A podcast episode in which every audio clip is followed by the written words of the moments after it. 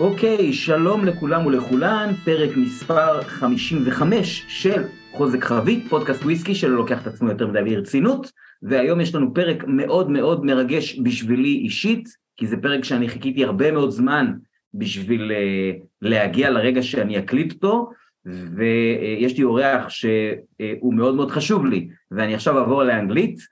Hello everyone, welcome to episode number 55 of Cask Strength, a whiskey podcast that doesn't take itself too seriously.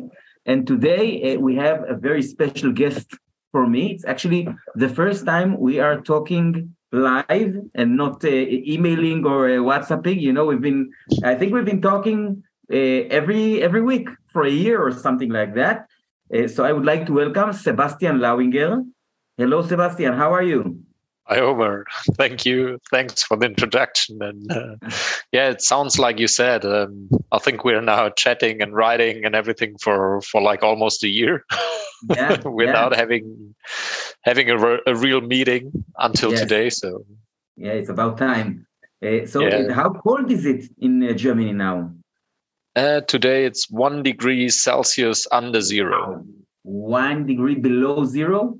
Yes, yeah, but let's say for our area, this is like uh, we we normally say uh, over five degrees. It's springtime. okay. So. No, I think here we have something like I don't know 17, 18 degrees Celsius, and it's like the middle of the winter. The sun is shining. It only uh, means that we're gonna have uh, one hell of a summer. It's gonna be very very hot.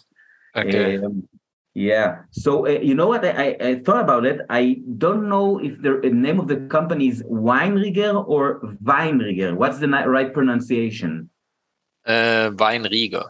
Weinrieger. Okay. Yeah. So, so um, I think it would be best if you can start, please, by introducing the, let's say, the the company Weinrieger as a company. What's your main thing? And then we'll, I have a few uh, personal questions for you. Okay but only after.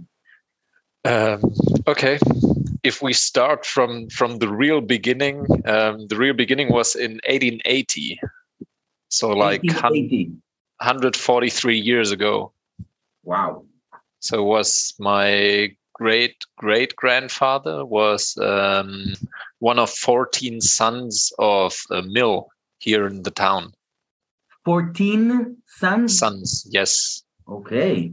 So he was was pretty sure that he will not get anything from from his mm. parents. Mm-hmm. He started uh, the first distillation and and got the first permission for for distillation here and he uh, asked for uh, production of barrels. So our, our, our history more or less started as a as a cooperage. What kind of wood was he using then? Is there like German oak? Mm, I guess I guess we got some really, really old cast, but not from him. We only got some from Victor, which was mm-hmm. uh, his son. So my my great grandfather uh, was still a cooper, so we kept that tradition until approximately 1958, 59, and, mm-hmm. uh, and he was born in 1887 and later joined joined his father and was like the first um, who has a degree in cooperage here in the town and all this kind of stuff. And the the old coopers were not only building casks they were also looking for the the wood in the in the restaurants and bars. So in the mm. earlier days their job was also to travel around and see if the wine is still good inside and if it need needed any treatment and all this kind of stuff. So that was his main job Okay, so he wasn't. He was like a cooper, and also he knew his way around wine. Yes. So mm-hmm. there's still in German. There's still this uh, kind of expression for because there are wine coopers and wooden coopers in Germany. So there's both um, the ones who are producing wine and the ones who are producing barrels. Mm-hmm. So this is still left in in the language. You were also wine merchants. You, yes, you were buying and selling wine. Okay. Yeah, I think I think if we look, we got some really old um, sheets and really old accountings, and mm-hmm. I think that started more or less with all those crises. Yeah, with all those war crises and all mm-hmm. those kind of money crises and all this kind of stuff, because family at that time was pretty poor, mm-hmm. and they mm-hmm. lost quite a lot. So uh, my great grandmother started to to like exchange wine for barrels So it was not my great grandfather. He was more like like craftsman and doing his job. And when I'm talking to my grandma, she's just telling me, okay, it was not your grandpa who started the or your great grandfather who started the sales. My father was my mother. She's always telling me because she says she stayed at home and she started to say, why don't we change or interchange uh, barrels with wine? And uh, this story kept on going. So yeah, to fully tell it, and then my my great grandfather went down like in the Rhine area to sell mm-hmm. barrels, and there he met my my grandfather, and my grandfather met my my grandmother there. So my so, grandfather's from from the Rhine area next to the French border. And now the family is at the the, the right name is Willingen Schwenningen. That's the right right way to pronounce it. Yes, it's like at the eastern border of the Black Forest. Mm-hmm. Okay. So here's this this famous area for for holidays and all this, which is called Black Forest, mm-hmm. because it was in the early days. It's still by night. It's still it's really dark forest. Mm-hmm. Okay. so that's why why it's called Black Forest. So you were actually born into a very old family business of uh, dealing with the barrels with the with beverages and how, how was it like growing up? Did you know you were going to be in the family business or was it uh, you know something that evolved during the years? Let's say it grew during the years because um, when i was younger my father was always going when we went on holidays he was going to visit wineries and all this kind of stuff. And i was always pretty interested in that but i was never sure that i wanted to work in that that business was more i think the first time i went to scotland for for the cask selection i was like 14 or 15 years old. Wow. Because yeah. My father was like telling me uh, do you want to come with us? You got english at school so maybe you can be helpful and just translate and have a look. And i got a really old how do you call it? Um, like really old tie from him and all this kind of stuff. Mm-hmm. like this kind of professional business suit Mm-hmm. and and went there as a as a quite little boy let's call it like that because i got old pictures and if i show them all my friends are laughing because i look like a really greenhorn and then just being being up in the warehouse with all these well, casts it's like today's fantasy of so many people you know uh, if you will tell me to go to Scotland when I was 15. You know, my father didn't drink beer even. We had okay. no alcohol at home, nothing. So that's okay. that's crazy. okay, I, I grew up uh, and I just remember, I still remember my uh, grandfather picking us, and when he had to look after us, just bringing us down in the distillery because we got that tiny little distillery for for fruit spirits. Uh, standing there, he was filtering the spirit and just uh, having a cigarette nearby. So if you tell that to anybody, this sounds pretty pretty crazy today. yeah. Okay, but I still a, a remember that approach of babysitting. Yeah. yeah. That's a okay. tough way of uh, master distillers babysitting, we could call it. Mm. Well, it sounds be- better than what, what I had in Israel uh, and, okay and did you uh, so how did you start in the industry? Like you started at weinrieger or did you go to work or study someplace else? Mm, i started uh, like as an um, i did internships in italy and spain mm. because i first started in a winery in germany and i thought about studying winemaking and then i say okay i don't want to be the whole time in germany i want to see other cultures other people and then that's when I started to to travel a little bit, just mm-hmm. within Europe. So I went to Spain and and Italy, mm-hmm. and uh, afterwards I studied uh, international wine business. It's called. So it's still like winemaking, but with a little bit more marketing and all this kind of stuff. Mm-hmm. And and at that time there was also the time we already did the whiskey business, and I helped at home as much as I could and I started to do uh, rum tastings. That was more or less the time when I got in stronger contact with uh, that wonderful sugarcane spirit. mm, okay.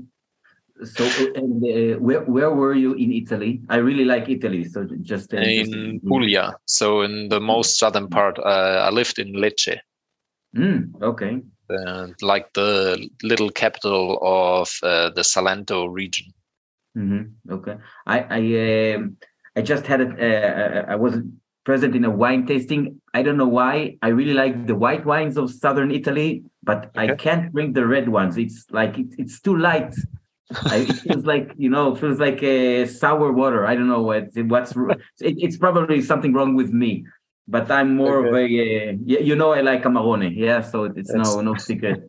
yeah, Amarone and also uh, everything from uh, Piemonte. When did you start working at uh, distilling or uh, you know choosing whiskey? What? How did you come to that? Mm, I think that was more or less a process throughout the whole time because uh, mm. I went there like all the years. We went there two times normally, so mm-hmm. on a mm-hmm. pretty regular every basis. Year, two times yes. every year. Really? Yeah. So we did okay. like it was just for two or three days all the times, but just going there because when we started it, like my father and my uncle started the the cask business i think in 2000 2001 so like 20 22 years ago and when they started it was like buying five casks getting home trying to sell them buying another five getting home so mm-hmm. there was no warehouse there was just trying to select some good casks and starting starting sales with that. Mm-hmm. Also due to the fact that they were at that time they seemed to be expensive from today's point. We should have bought all of them. Yeah well you know we, we all uh, we are all wise now. Yeah i, I remember yeah. bottles i drank like 15 or 20 years ago. And uh, I, you know I, I don't know if i if i should be crying because i didn't buy a case or because i opened the bottle i could have sold it today to buy like you know 20 other bottles even even better. Yeah. Okay. So you started uh, the whiskey business 2000 2001 and at, at the beginning it was only for your shop right uh yes more or less mm-hmm. it was just when we started i remember we may not say that we had like um, glass bubbles i don't know like big glass bottles mm-hmm. where you mm-hmm. can bring your own bottle and fill it mm-hmm. So the people came in the shop and they just brought their own bottle and filled it up. Mm-hmm. Uh, I think uh, we should mention that during those days, it was still legal to to ship a whole cask of whiskey out yeah, of yeah. Scotland. What you can't yeah, you can't do it today. Yeah, today it's not possible anymore. They did it pretty uh, in a pretty easy way. They just deleted the uh, customs number. So that's also why the big bottles disappeared. You know, there was a mm-hmm. customs number for um, for bottles up of Scotch single malt whiskey up to two liters, mm-hmm. and a and a customs number for all the, the bottles, anything, any kind of of container over two liters. So it's mm-hmm. not possible anymore to bottle anything or sh- or ship anything abroad apart from blended, which is in a bottle or any container bigger than two liters, because mm-hmm. there's no no export number existing, so you cannot open up the customs papers. How uh, that was how a smart. pretty easy way. yeah, very not efficient. really. yeah. okay, and, and okay, so uh, let's say once this happened, once they deleted this yeah. number, I guess you had you still had casks in Scotland. You had yeah, like yeah. a warehouse or something. No, we had them bottled. At that mm. time, we had we had them bottled. There was like at that time, as business was growing also in Scotland, there was like we received an invoice and it was like 12 times as high as the amount we paid before for renting a space in the warehouse. Mm-hmm. We were like looking at it and we were like, what is that? And we called them and they were like, yeah, we just charge you from now on the same amount per month we charged you before per year. We were like, what? we had uh, within a few weeks we had 55 uh, casks bottled. Wow. Just to get them get them out of this warehouse. And we went up there just to find a you know bottling single casks is a little bit different than just bottling bigger volumes. Because we wanted and we wanted somebody who's really doing single cask bottling and not like you know putting a cask into a container bottling that putting in the next cask and then bottling that due to the fact that we're all in the business and also bottling business you know the filters the the lines where it's going through mm-hmm. there's still some whiskey left so at the end the first 15 bottles are not a single cask anymore and the last ones either mm. and okay. either so that's why we were looking for somebody who's doing a, a proper way of bottling there was like that was crazy time. We went there and there was like charged i think 300 pounds just to clean the bottling line after each cask. After each one? Yeah yeah. We want to have it just just not not cleaned in a classic way but just pumped gas through so the whiskey comes out and you just put the new one. Wow so, yeah that was crazy time. And yeah but just what I wanted to say before was also I just remember a time when we had in those glass bubbles uh, 1988 Macallan, like selling for yeah yeah like selling for I think it was 40 euros per liter or something. That's amazing. yeah. Uh, wow. Wow. There were crazy times. Yeah. Uh, okay. So and uh, so how things are today with the whiskey business? Uh, you have a, a, warehouse of your own in Scotland, or you just uh, have casks in different warehouses? How how no, does it work different, today? Different warehouses. Mm, okay. So I think let's say we build our own warehouse i think maybe um, you've seen it. If not you can you can also look it up on the internet. You can find on youtube you can find videos of the warehousing. And when we started to build it we wanted to to build it up for for whiskey. Now there are 400 and something casks of rum inside and 90 what is it? 92 93 casks of whiskey casks of and your, butts of your whiskey? Mm, yes yeah, yeah. Of german whiskey? No no no no no. Uh, imported so stuff we brought out of Scotland before 2013. Mm, okay. So and still, still there, and was more like let's say the planning for that warehouse was more to have like a buffer warehouse. So we always said, okay, business going crazy, but um, everybody who's reading about I think Scotch whiskey knows that the business always goes like in waves. Mm-hmm sometimes it's going up sometimes it's going down. There were times you had almost no offers for casks then some casks went extremely mm-hmm. up in pricing. A few years later they went down and all this kind of stuff. So i think what you really need in whiskey business is just time and some patience. That's what mm-hmm. we always say. So that was the idea behind the warehouse just to have a buffer and not not to need to buy all the time the car straight away before bottling because then you're really depending on current pricing. Mm-hmm. okay. And we didn't want that so. So these casks today you actually can't call it scotch whiskey right? If you bottle it in, uh, in germany. no you can just put single malt whiskey. I guess some of those casks are pretty old ones. Mm, yeah yeah. Yeah Okay. I think the oldest one right now is from I think 1981. Wow. Yes. What's what's the liquid inside? 81. I could tell you because I'm sitting in front of my computer. I could look it up. yeah, very interesting. I, I can think of about, about a few distilleries that were open in 81 and are gone yeah. today. So yeah. uh, well, quite quite an interesting treasure. So um, I, I, think I'm writing down for myself that we would go to uh, afterwards to uh, to your rum business because that's like a whole different thing.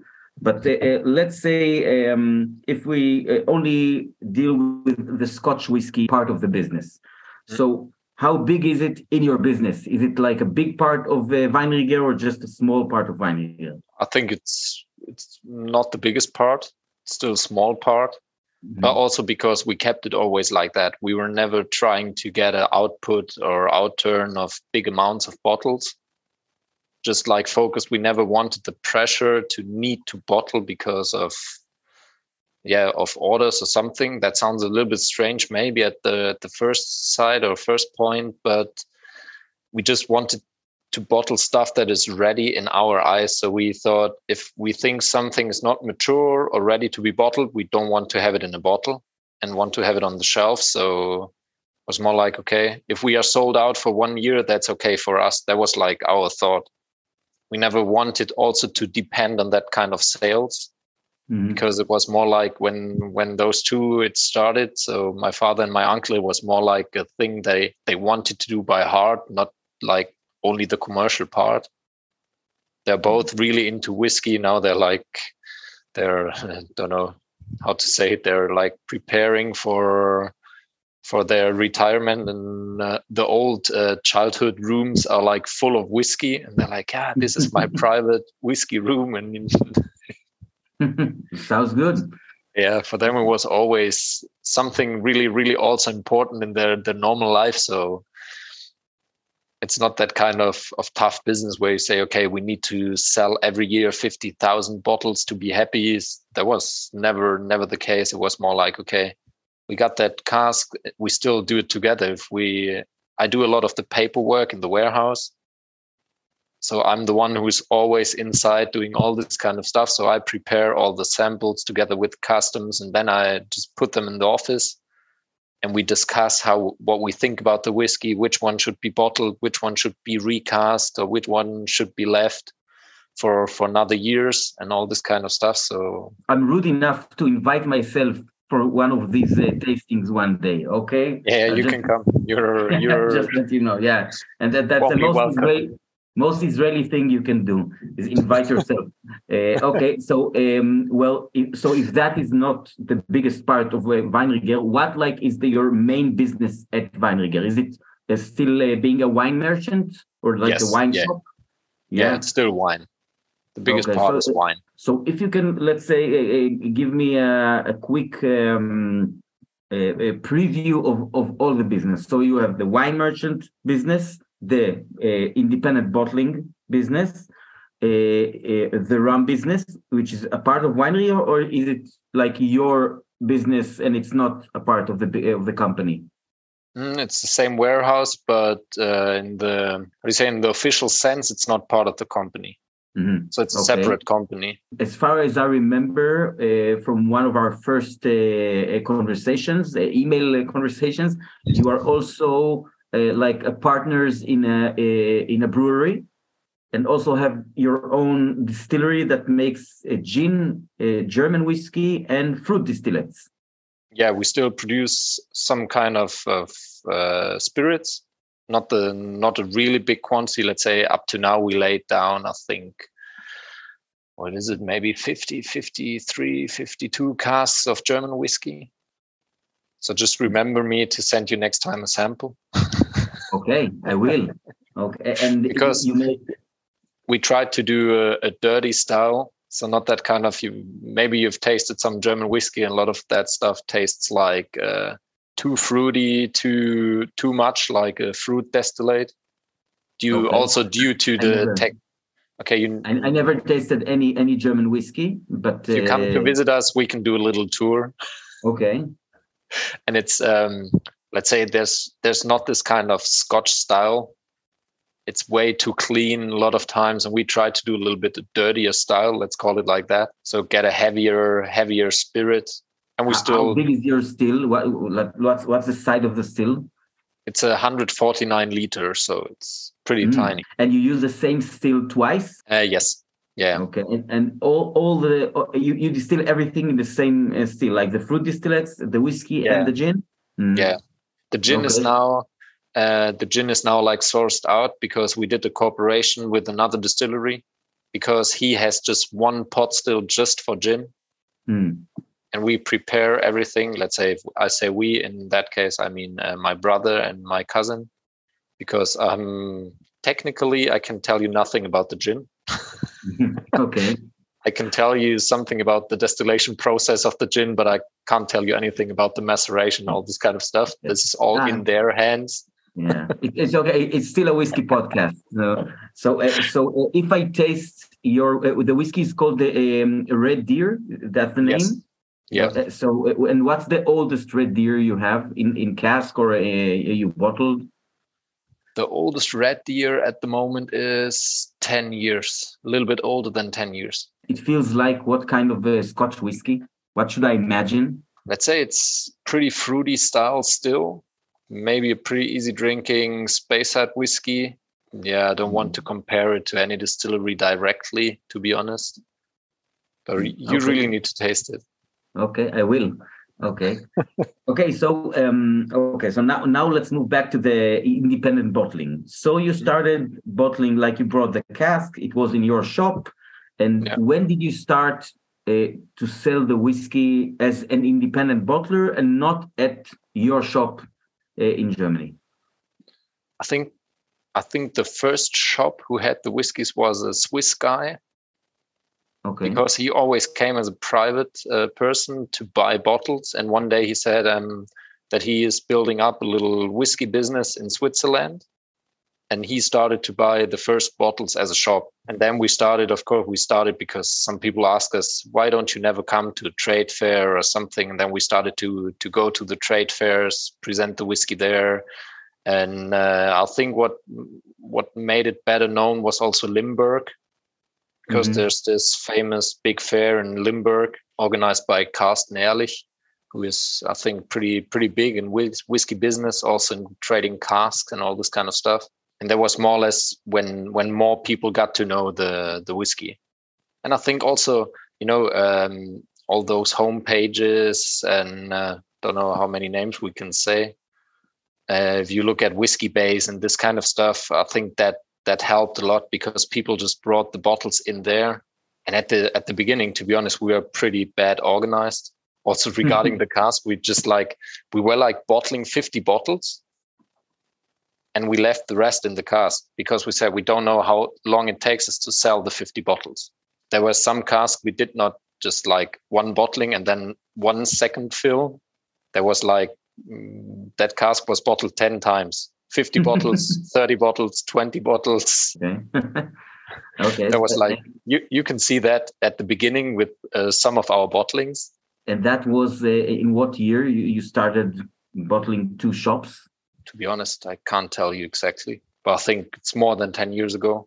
Mm, okay and so today you are let's say you are more organized you bottle the whole cask uh, yeah, yeah. the same day or the day after and, yeah. uh, and so how many casks uh, do you bottle in a year approximately really depends i would guess like 15 to 20 maybe sometimes okay. more sometimes less and and these casks uh, go to how many markets let's say mainly germany switzerland and the rest is more like like being sold online but don't know where where the people bring it. So mm, okay. we had for for for some sometimes we had like bigger purchases by guys who who they just bought it in germany brought it to one warehouse and just exported it but we really don't know where. And but mm. they were looking for specific distilleries and all this kind of stuff so hmm. they were like the last bottles of Linkwood, 30 years old, we had went all there, all this kind of stuff, you know. And okay. they ended up, if you, if I've seen posts in so many places around the world where, where I said I never sold a bottle there or shipped it there. but hmm. people just organized shipment and everything. One of the things I always tell people uh, when I'm doing a, a, Rieger selection tastings, or if I have a Rieger selection bottle, let's say in my bar or in a tasting, uh, I always talk about the, the way you manage to take your craftsmanship in wine, wine uh, being wine merchants and uh, everything you talks about uh, uh, your travels around the world and use it in whiskey maturation. So how does that work? I mean, uh, I know you have very good connections with, many wineries. I also seen it in uh, in the let's say the, the next uh, rum order with two uh, Priorat casks uh, uh, rums.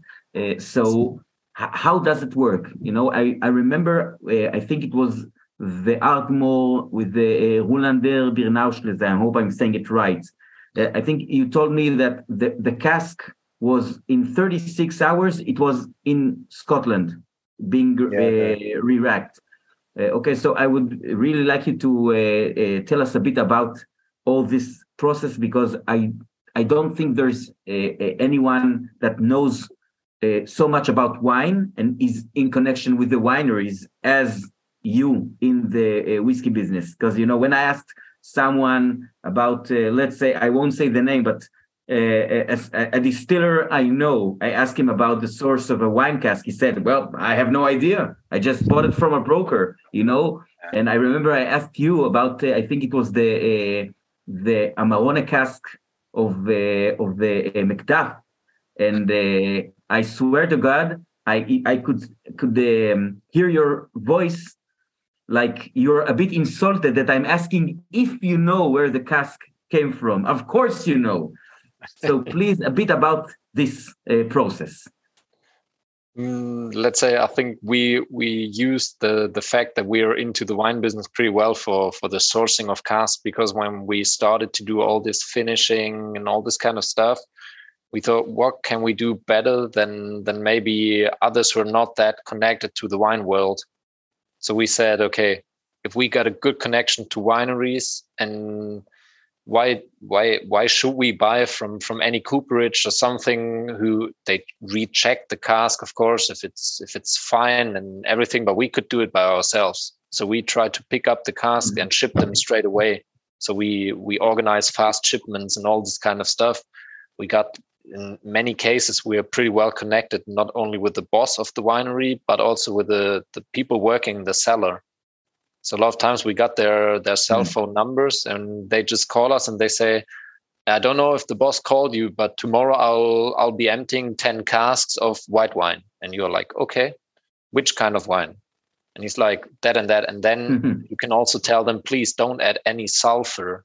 Don't clean them. We do all by ourselves so we just we check them and if it's not really dirty inside we don't clean them at all. So we just leave the wine inside. Mm, okay. Let's say the wine it's at the end there's no liquid inside. But if you got like a lot of yeast and anything you need to clean it of course with water. But if not if there was just pure wine you can just put it way around so the the wine gets out the last drops and then you can refill it and you get perfect taste. So we don't do any wet cask styles so don't get me wrong mm-hmm. we don't leave any like you know in the whiskey business that's that's not not used not being used but in the rum business for example it's used pretty often that the people just leave some liters of wine to to give it more taste. So really put the cask way around just have them dropping out all the liquid and then we refill them or have them refilled. So we try to keep that process pretty fast it's like when we had problems once uh, with a Portuguese winery with the delivery, and it took a few days longer, and we had 20 good casks arriving just a little bit too late and smelling bad. And we just sold them as decoration. We said, okay, it's not worth better I lose some money now than putting inside a good liquid and making that bad. Okay. That's not the way it should work. And we try to keep a certain style, so we don't put any distillery in any cask. We try to to to get samples or taste the cask first and say, okay, which cask should be in which wine, you know, or which wine does match which cask. So, so we sometimes try, you taste the wine before you put the the whiskey in the actual yeah, yeah. wine that came from the yeah. cask. Yeah, yeah. Mm let's say we don't have any cask where we don't know the wine. So it's just not like buying the cask. We already knew how the wine was. And then if you know the, the whiskey, how it is, and then you can try to match flavors. I hope that's uh, that's the right way to say, but you can see which flavors got the whiskey, which kind of style, like we did Clynelish uh, ice wine cask. Oh, listen, I read about this one and I can't believe I missed it. It was uh, 10 years old, right? Uh, I think could be. Ah, yes. There was there was such a pure and fine Clynelish with this kind of waxy flavor matching with this kind of ice wine that was like yeah, that was matching pretty well. That was like yeah, fist on fist. So it was really, really good in my opinion and that's the kind of style we want to do. If you if we would have put that Clynelish inside Amarone cask, for example, I think the people would have said nice color and nice flavor. But if you had retasted the Clynelish from its original ex bourbon cask and then see the two styles, you would have said, okay, you lost so many flavors in that finish. Mm-hmm. And in our opinion, the idea of a finish is not to destroy the original flavor It's just to widen the flavor profile. Did you ever, uh, well, let's say, um, uh, make like a misjudgment and uh, combine a wrong wine with the, with yeah. the distillery style? For example, that's that's an interesting uh, thing to hear. Uh, I could say no, but yes, we did. it's all let's say this is all about a little bit about experience and all this kind of stuff and sometimes you do something and you think like whoa okay that went wrong. We tried we tried to keep that on a on a level with uh, not the highest priced cask so we tried to yeah to have a look on this kind of stuff. So for example with the we did that linkwood amarone uh, 30 years old. And at that time we bought quite a lot of amarone casks. And we tried to smell out or find out that the cask which has the lowest Amarone profile for that linkwood, mm-hmm. for example. We we we recast at that time also some uh, from the Speyside distillery, some casks, and we put them in really fat and strong Amarone casks. And we tried to keep that for the younger stuff and not for that kind of old linkwood, which, which was already good because we were too afraid of destroying his profile after such a long period of, of aging. So I think this is this is the most important thing that you don't destroy the the flavor profile already given by the aging, but you add anything new. Or you try to add something new which is giving it a wider profile. I'll ask you like the opposite question. What's your best bottling? What is the the one you're most proud of until today? And also, what is your oldest bottling? That's also very interesting. Let's say the, the proudest one, um, I can just speak for myself, so I cannot say it in, for for the whole family. But to me, mm-hmm. really, this Kleine was one of the things where I thought, okay, this was the perfect match to me. This was like matching 100%. Sebastian, you're killing me. Uh, if you if you come here, still got a bottle. It's an open one, but you can taste it. All right. but the the thing is, it's a little bit like uh, asking who is your most beloved child. Hmm. Parents okay. may never answer that question. okay. Well, eh, my mother would say not him, but okay. So and the, I think I think you know uh, I, I went through a Whiskybase and uh, saw that you had like a, I think a 30 or 32 years old uh, Bowmore and you had yeah. a, a, very old uh, Little Mill. Yes. Uh, yeah. So, what's your favorite distillery to work with, or or uh, your favorite liquid to bottle? Mm, to be honest, I don't got don't really got a favorite. It's with the whiskey. It's um, let's say with the whiskey, I really enjoy that kind of wide range of of profiles. Mm. So that's also a little bit um, just not to get too much into rum at that point, but um, that's something I completely changed with the with the rum, where I'm more into mm. just one distillery, trying to establish one certain kind of flavor, and the whiskey part is more like finding really good casks and trying to to say like, okay, it's it looks like a diamond, but there's some corners of it which I don't like. So I I try to to to get them at that to that point that I really think it's now really round and and, and in good harmony of flavor. Mm-hmm. Okay. So that's that's a little little different approach. So with the whiskey, I really enjoy the the wide range that the the whiskey world offers regarding distilleries are you still working with distilleries directly and buying casks from distilleries, or is that something that today you're unable to do? Uh, at the moment, not. At the moment, it's all through uh, brokers. And you so, work with one one broker or a few brokers? A few. A few. But okay. Uh, yeah. Thanks. Thanks to the Lord. there are few because you know uh, business is a little bit crazy also at the, at that point uh, with all those rising prices in new make spirit and all this kind of stuff. So, but good mm-hmm. thing is we all don't want to drink new make spirit, so yeah. at least it doesn't affect us at the moment. Did you buy any new make spirit from one of those new distilleries that emerged in the past few years, or you only buy directly from uh, uh, brokers? Mm, no, from the new ones we didn't buy.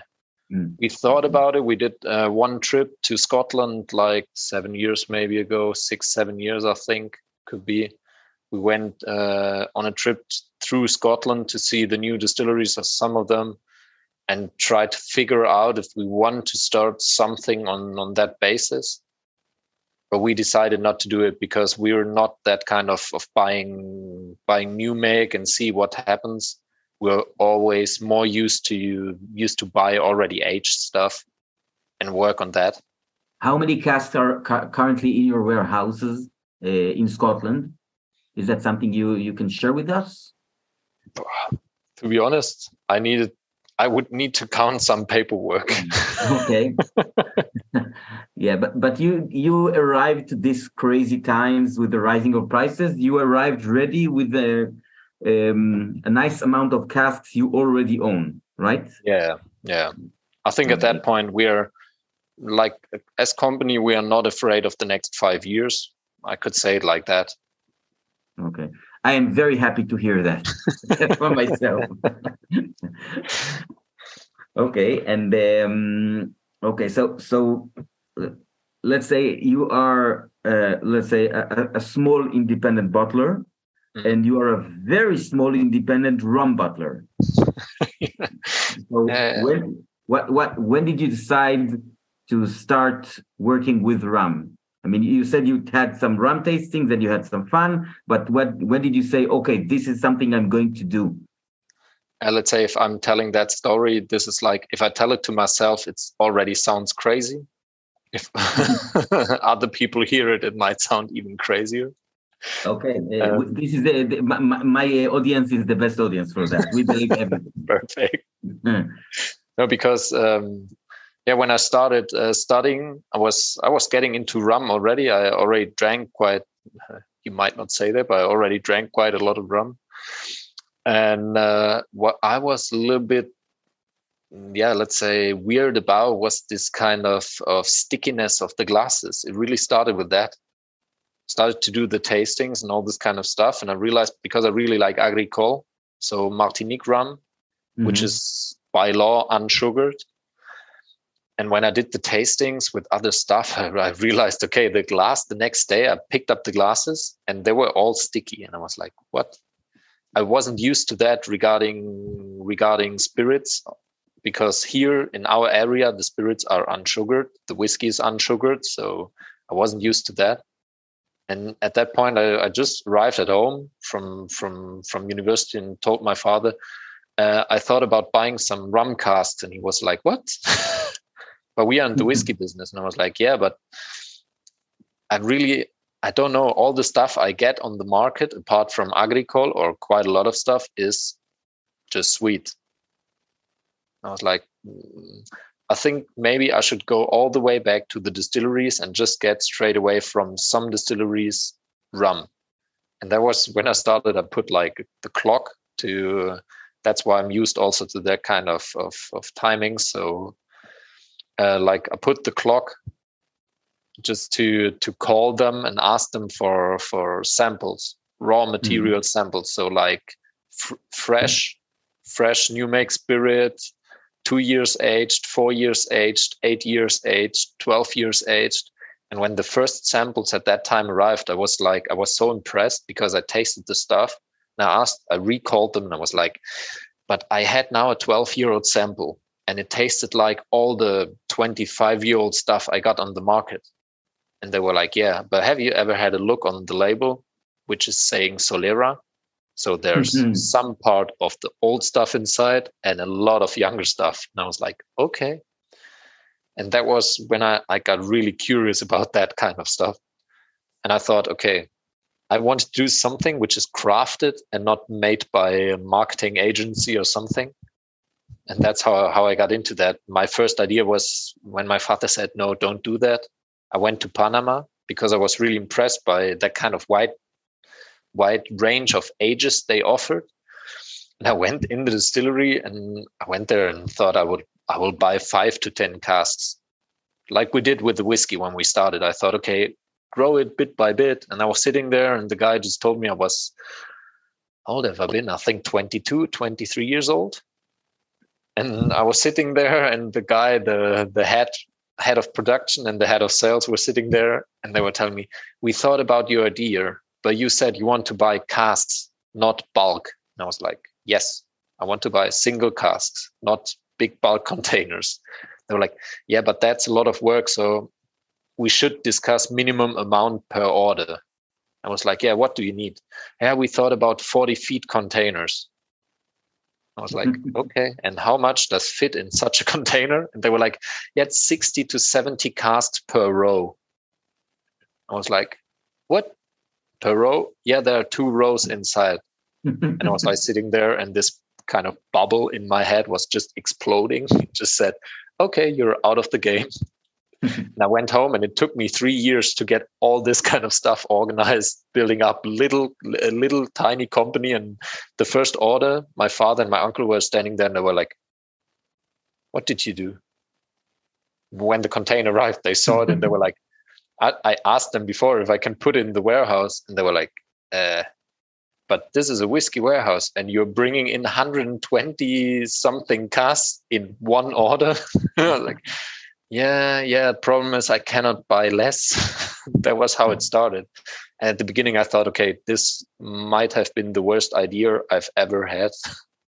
I started to run in all my free time. I went to trade fairs tried to call shops and just tried to move it and i said my father told me so many times boy just do me one favor add sugar add sugar and it will sell i was like no way I, you know, on the label, um, the the guy on the label is not made by any marketing agency or agency or something. It was just I, I really I, I, I go all every morning. I go to the house of my grandma still today, and she's now she's getting ninety years old this year. So she's pretty old and like many old people she's showing pictures all the time old pictures of her life everything and this was a picture of my great grandfather at work or some oh, pictures. Oh, really him. Yeah, that's him. And I gave those pictures or sent those pictures to a girl who's doing paintings. And I asked her and said, "Can you just put that that picture or those pictures into a nice picture with the cast?" I still got the original ones uh, at home. So that's how it started. The name wasn't there there was just the picture the name of the of the brand uh, raised afterwards because i was looking at the picture and i was like how should i call it that's why it's called el ron del artesano like the rum of the craftsman because i thought okay and i always told my father you know what i want to look in the morning in the mirror and i want to be proud about what i'm doing i don't want to say okay i did it just for for commercial things I want to be proud of what I'm doing because I started this business because I hated all that industrial stuff, to be honest. Mm. I was like, this is just something made up to to have it sold easily and not thinking about the quality in my opinion. And I was like, okay, I really want to I don't want to be part of that game. I want to do something different. And that's why there's there's even not there's not a sugary version of artesano. So there's not one bottling which has sugar inside to be like the top seller, it's all unsugared. Did you begin with working with this with a distillery and change or something, or is it the same no. distillery that, from the minute you started? Yeah, up up to now it's the same distillery because when I started, it was like okay, I, I learned distilling here at home, and I thought my dream was to go to Panama and distill, and then you realize okay, maybe it's not that easy. mm. You should start somewhere else. And I thought about, okay, I'll start it. And as soon as people get to know it, I go the way back. And that's what I did during Corona. I said, okay, all the world seems to be like in full stop, but I try to keep on going. That's when I also bought uh, 3,000 square meters in Panama next to a river to have fresh water, what you need for distilling. And I think the guy who sold it to me, that was through one one good friend in Panama who told me, "Look, there's this guy selling it, and there's a river nearby, so maybe you should call him." And uh, and I went there and I had a look, and it was like the the the terrain is just it's going like I don't know 30 meters in, and then it drops six meters, and then it's going up until the river. And I think the guy who sold it to me was like thinking, okay, there's this stupid European buying my my ground. Uh, thanks that he's paying paying for that kind of. There's no way of constructing anything, and I was like standing there. I was like, yeah, that's perfect. There's this river. You can put like uh, yeah, just a small block of concrete to put the barrels in, so like a small cellar, and then on top you can put a small distillery. So everything fine for me. and I started I started there with a with a small corporation. Unfortunately, that didn't went so well after like half a year, a little bit more, three quarters of the year of planning a new distillery, a small one. Uh, the guys just decided to find an investor from Singapore, so they went away. They said, "Okay, we'll not do it with you," and I was like, "Yeah," mm, because I'm I wasn't the guy bringing money, so there's the idea and all this kind of stuff but i wasn't the guy who say okay i'll just build it up. I said okay we need to do it bit by bit and if we sell we can start building another part. And now i think they go another way but mm, i'm, I'm pretty happy that it happened so soon that kind of stuff. Mm-hmm. okay now idea idea is still still to build up their own distillery because maybe you know or all the rum geeks are pretty much into that that a lot of the rum also varela the the basic stuff at the moment is distilled in columns. So a lot of rum is distilled in columns which has a way different style than than pot still. And i got at the moment i got the first run so i got like 900 liters of artesano pot still. Mm. and now i think that's the way it should should be. So so let me just get it straight.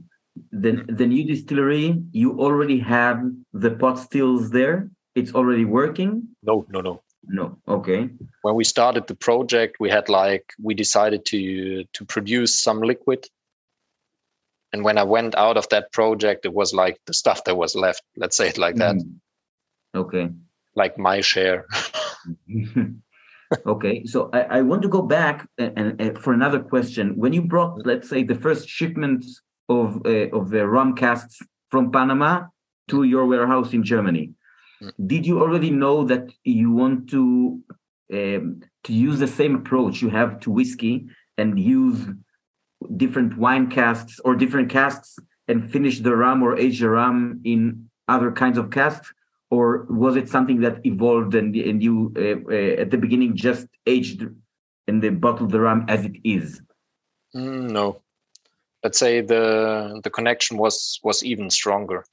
Let's say through through the rum business the connections with a lot of wineries went stronger because the quantities of casks i needed were were pretty much bigger than with the whiskey. So that evolved during that time even stronger so you make more rum than whiskey as an independent bottler? Really? Yes. And, yeah. and what what are your main markets for a, a, a artesano? Uh, artesanos right now in England, Germany, Switzerland, Austria, Israel. Thanks to you. Yeah. um, where else are we shipping? And now we did some shipments to Sweden. We did some, let's say, sometimes we did like I wouldn't call it spot offer, but like you know some tenders and this kind of stuff. So you get like okay, they buy at once, they buy like ten thousand bottles, and then no order for another five years, something like mm-hmm. that. So we we had some sales uh, to Ireland, but just like in that that kind of way? I would like you to tell me, and uh, I already know, but uh, uh, for my listeners, mm-hmm. Uh, I, I, guess uh, most of them know that uh, Artesano is in Israel. We had like the first small order that was like gone very, very fast. and in the next order, we're, we're going to have six different ones. so the RAM is column still right? Yes. Um, and, and it's made in Panama and aged in Panama most of the time. Yes. Yeah. yeah. Okay. That in was, bourbon barrels. Yeah, yeah. the idea behind was really not to have because regarding rum there's something as you as you already mentioned now there's something special apart with the whiskey it's not that kind of strongly uh, recognized that you say aged on site apart from that uh, that law fact that you need to age scotch single malt whiskey at or now since i think 2013 only in scotland but it's not something which is which is influenced that much by climate. It's more by law. And with the rum, it's pretty different because if you if you go to Panama, you got like eight to ten percent uh, what you lose in the cask each year. So the concentration is way higher. And uh, when I started it, I started with a and I went there for sampling and tasting the casks. And I did the first order, and I started by rum. Like the youngest cask I brought in was seven years old so seven years in Panama, and people are often like, "What seven year old rum? This is pretty young." Like some big brands, seven year old, but it was seven years statically aged. So if you if you taste that, you can really see a wood profile, you can see power, you can see a good aging profile, and all this kind of stuff because it's it's aging way faster than Scotch does, for example, due to the climate fact. That's why so many rum rum geeks and and the rum community is, is looking also where the stuff is aged so like for example the 24 years old we are bottling is 20 years aged in panama and four years with us. Mm-hmm. the uh, priorat cask yes. okay. So, so we try to keep in panama. Yes we try to keep most of the aging there. That's also why i thought let's say the stuff which went wrong with the whiskey also due to the law changes and everything or which went in a more complicated way or which is more complicated today regarding the rum i was trying to avoid that. So I, I said one day we need to have a distillery there. I really want to produce my own profile also with a with the rum. It's pretty important to have your own kind of fermentation because that gives so much profile to your to your spirit at the end that you really need also to focus on on fermentation. Mm-hmm. that's why there's let's say if i want to keep artesano alive for for a longer period there's no way around uh, just distilling and doing all the stuff there. Not just sourcing rum but really really produce do the full process. And mm-hmm. now it's just like selecting cask and then trying to get the best out of it. And i think we're on, on a good way regarding that and still try to do a lot with the with the wood. So wood and maturing is still important for the flavor profile and i think you can see if you do a tasting or something with the artesano you can put seven artesano in a row and none of them is tasting the same yeah, even if I they're with the with uh, only with four, but they uh, that was very very interesting. Yeah. Uh, and I actually wanted to ask you. There was that um, the sherry ten year old uh, sherry cask. It was the Amontillado cask, right? Yes. The, yeah. the Silvester uh, bottling, right? The New Year's Eve bottling. So that was aged for ten years in Panama. No, that was well, that was last year. I think it was eight, eight and a half years or something in Panama, and then the last period was uh, here in a, in a sherry butt. Mm, so I okay. recast it in a sherry butt. Okay. And so if you if you ever come, you can see the sherry butts because they are no they're not seasoned sherry butts or sherry cask, which just held sherry for one or two years. Um, they're really really old. So if if I bottle something like that, the sherry cask gets kicked out of the warehouse because it already looks like it's losing liquid within the next five seconds. where where do you source those uh, sherry casks? Um, those ones we had or we picked up directly at the at the bodega, but we had to pay them through Scotland at that time. Oh, really? Yeah, because there was one distillery having exclusivity on those casks so I'm not sure if I might mention the the bodega. If you ever come, I'll show you, and you can just take a picture and post that. Mm-hmm. Like, sorry, I did it, and okay, okay, without wanting I, to do it, but we had to a... pay them to a to a Scotch um, to a Scottish uh, company, because they had like the clu- exclusive right at that time to source Mm. those casks. Okay, it, it- it's like it's I, I can guess it's a big company that starts with an E, and the bodega starts with a T. Might be. Might be. okay, just And today- guessing.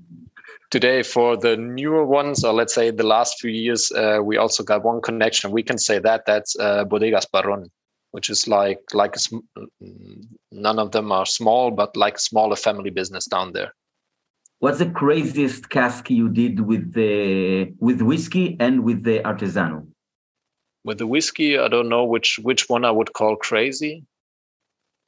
We did some really dry German red Pinot Noirs, where which were crazy for me personally, because I thought like, hmm, I'm not sure if they will be good at the end. To be honest, I was like, mm, not so sure, but the others said okay, and I need to say they were right. Hmm. so at the end, the the results were pretty good, but what I was was it? uh, they were different. I think you had one, maybe the the Speyside. Ah, the Speyside was in Speyside Germany. Pinot Pinot Noir. Yes, Ah, really? and one Speyside at least was in a German Pinot Noir, and we had some different ones. But I was like, "Wow, I don't know, but maybe it's also because I might not say that, but I'm not so into Pinot Noir. Mm, okay. So I had my difficulties by selecting those casks and saying, okay, that might match. Because there was no flavor profile I thought that could match the whiskey in that case. And with the, I think with the rum, to me, the craziest one was I did uh, one beer cask Mm. and it really tastes uh, or smells like the beer. And I'm not drinking so much beer. I'm pretty strange on that. So I'm drinking more wine uh, on a regular basis, let's say as a normal drink and not beer. So that was because the brewery asked me to give them a cask and they asked me how much do I want for the rum cask to have their beer aged inside. And I was thinking about and I said, hmm, let's give it a try. I'll just give it to you for free. And the only thing I want is you just get out the beer and you bring it back to me on the same day or the next day. And I refill it with rum and we see what happens. That was how I how I ended up doing a beer cask finish. Mhm. Are you going to do it again? Yeah, maybe, maybe I Mm. think, but uh, I think to mm, maybe I should search for a stronger type of beer to have a bigger impact, even bigger. Did you do whiskey in an artisanal cask already? Good question. We got some laid down, but I think we haven't bottled anything of those yet. No, I'm pretty sure we didn't bottle any of them yet. Mhm. Yeah, I think in, in my first order, uh, I had the 14 year old uh, Tomatin in a Guadeloupe rum cask. Yeah, but that was yeah, That there was- was Guadeloupe. Yeah, very, very intense stuff. People are still asking me for those bottles, and I'm all, of course, sold out. I have only one left I'm keeping to myself, but that was very, very good. So, um, uh, as a rum lover, did you do lots of rigorous selection in rum casks, or is it something that's pretty rare? Mm, that's pretty rare. That have didn't happen so often because as we never before we never been in the rum business, so we did no no independent bottlings of rum, and that's why we we had no source for empty casks that are recently emptied. Mm. So that that would have affected the whole philosophy of saying, okay, we want recently emptied cask with a full profile of flavor and all this kind of stuff. That would have affected that in in a bad sense. So that's why we said, okay, in Scotland you can buy pretty often from because you know there's Liverpool Rum Company and all this kind of main rum company, and they are having really really big warehouses and there's also a lot of rum aging up in Scotland, so you can you can easily get rum casks there, like the Guadeloupe cask for the Tomatin. You can call just a broker and say, "I want good rum cask," and you really get good rum casks because they Mhm. don't ship them from Guadeloupe without any liquid. It's just they buy them, uh, I guess, from from bottlings of of Liverpool Rum Company and all this kind of stuff. So Mm. they pick it from them and they get fresh casks. Uh, I have another question about the rum. So uh, Artesano is column still rum, and uh, the distillery you're building is going to be a pot still rum. So uh, did did you ever think about start to start sourcing a pot still rum already, or is that something you don't want to do? Mm, let's say mm, when I started the the whole artis, uh, business, it was the pot still stuff I had was not matching exactly what I was looking for. So I could there nowadays there's some distilleries doing that kind of profile maybe or at least in in that direction where I want to move. But at that point when I started, I was not having any any liquid which I said, okay, that is matching perfectly to my needs. And and in Panama itself, up to like three, four years ago, there was just one distillery really, really producing on a normal scale. The rest was just uh, bulk trading. Mm-hmm. So Panama has a pretty, let's say, the the yeah the production history of Panama is Varela for a long time, and the other companies were just sourcing. Then some were producing. They stopped production, sourced bulk rum, bottled their stuff. All this kind of a, might not go too deep into that because I still want to want to visit Panama without uh, being in danger. So. okay.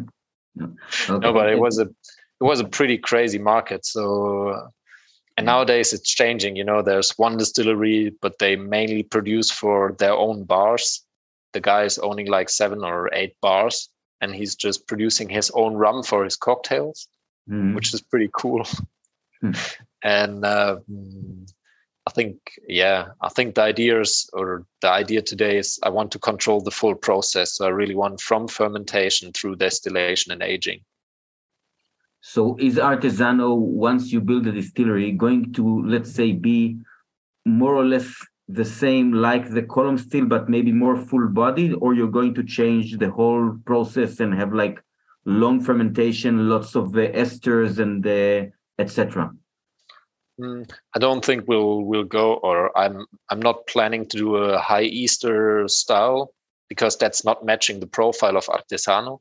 Mm-hmm but let's say I really want to have a, a, a little bit fatter style and a little bit little bit more full bodied that's really the way where where I want to move it. When do you think you will start building again, or is it something that will take a lot of time? Mm, planning was really to to start this year, bit by bit. But you know, there's season for for cutting and all this kind of stuff of sugarcane is happening right now or starting right now. Mm-hmm. So we cannot match this season, I'm pretty sure. And the idea is now also the 3,000 square meters. It's perfect, a perfect ground, but to really build something up, if you, you know, if you want to do something like that, I think you should do it in a proper way where you say from the first day, okay, this is a good way how it's made. So today I really think more, okay, I need to get a small warehouse, small place, water source, just start to distill and if it grows i can move to the the better side mm. that's the idea at the moment because okay. that side is like 1500 meters up in uh, in the hills so you really get a good good profile for aging and all all this so but it's it's nothing i would say if you ask for for the time of it would take i'm not planning to finish that in 10 years Mm. It's more like I really want to do it. I would prefer to start tomorrow. Let's say it that way. Mm. So things there are moving slower, but it's not like I think it's there's no week where I don't do anything for it. So I try to keep it moving each week a little bit, bit by bit. Mm-hmm. So, but it took me like I think it took me eight months or something to get a business account at a bank in Panama. because they are so afraid of money laundering that that they ask you more things than German government ever did in my whole life. so they Panama knows more about me than I do about myself. Okay. Any any thoughts about moving to Panama to live there? Is that something you, consider? Uh, I might not say that because my wife is nearby, but um, I, I really, I really like the country. I really like it. So people also a lot of time ask me, but why Panama? There's so many countries for growing sugarcane, and I don't know. If I'm in Panama, I really feel. Let's say it sounds pretty strange for for German guy coming from the Black Forest, but don't feel like being a stranger there. I, I like the people. I like how it everything is. So, and and I don't feel like going there and trying to, uh, yeah, trying How to. many times did you go there? Oh, I don't know.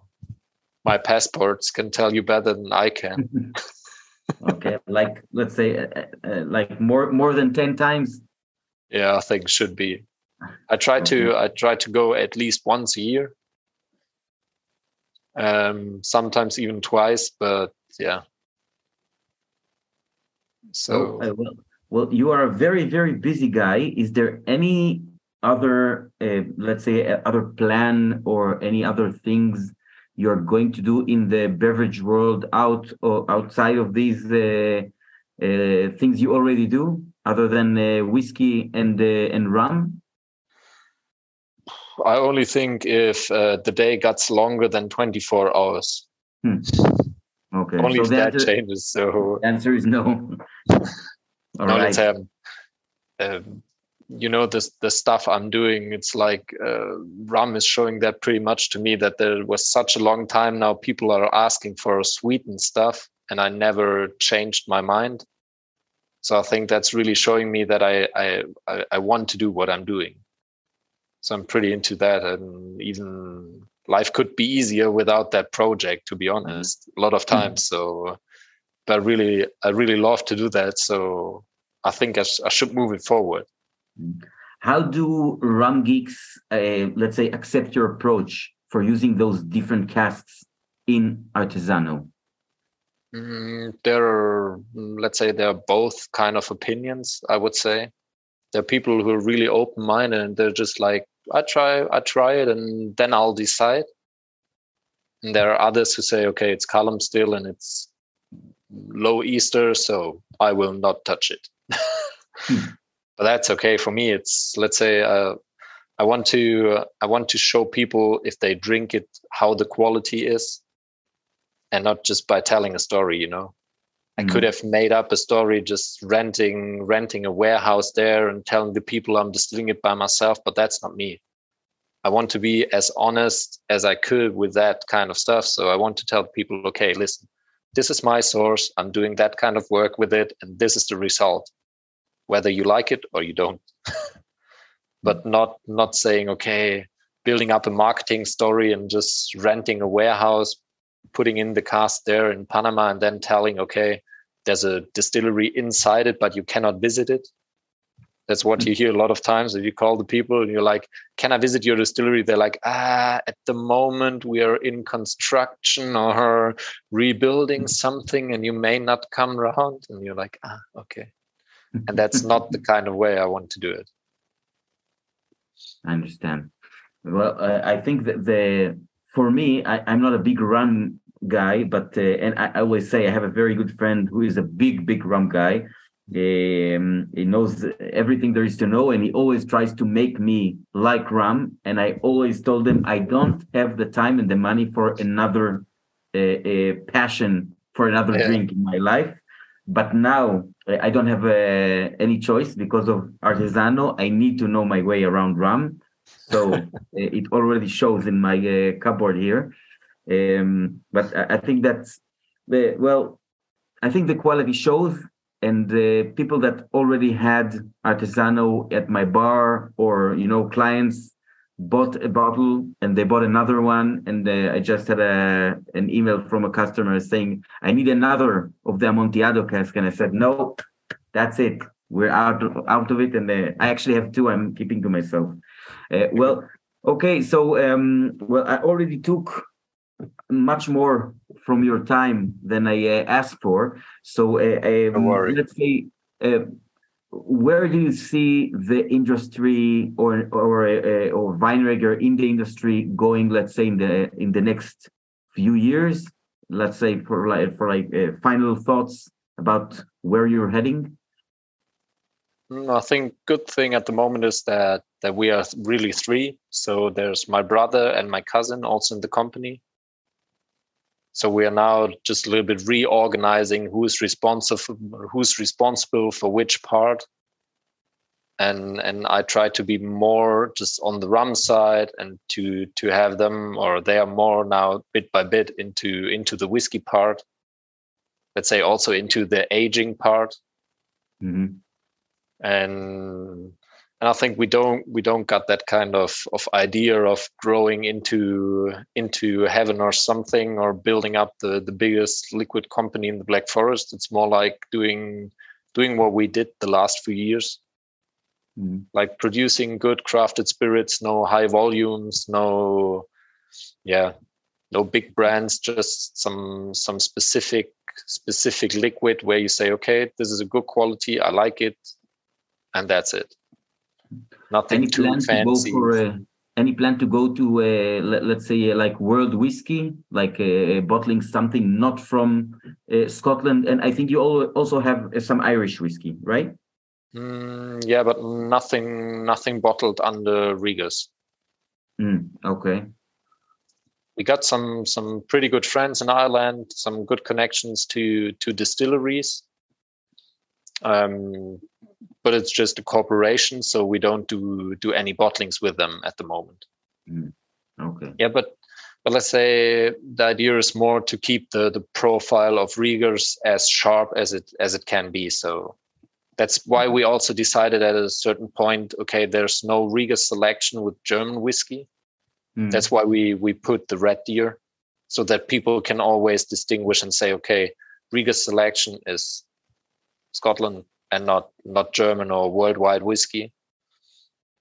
And that's mm. what we try to try to keep because it started like that. The idea of the my father and my uncle was that, so they wanted to have it that way, and I think we should respect what they where they wanted to see their baby. Let's call it a little bit like that.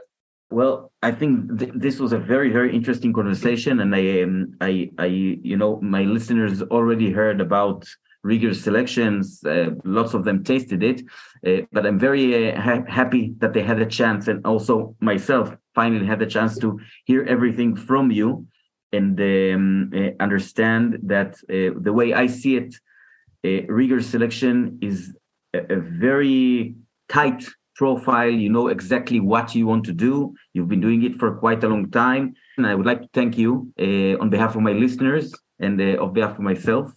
Um, and uh, we hope to see you in Israel sometime, maybe uh, come for, uh, let's say, a few days.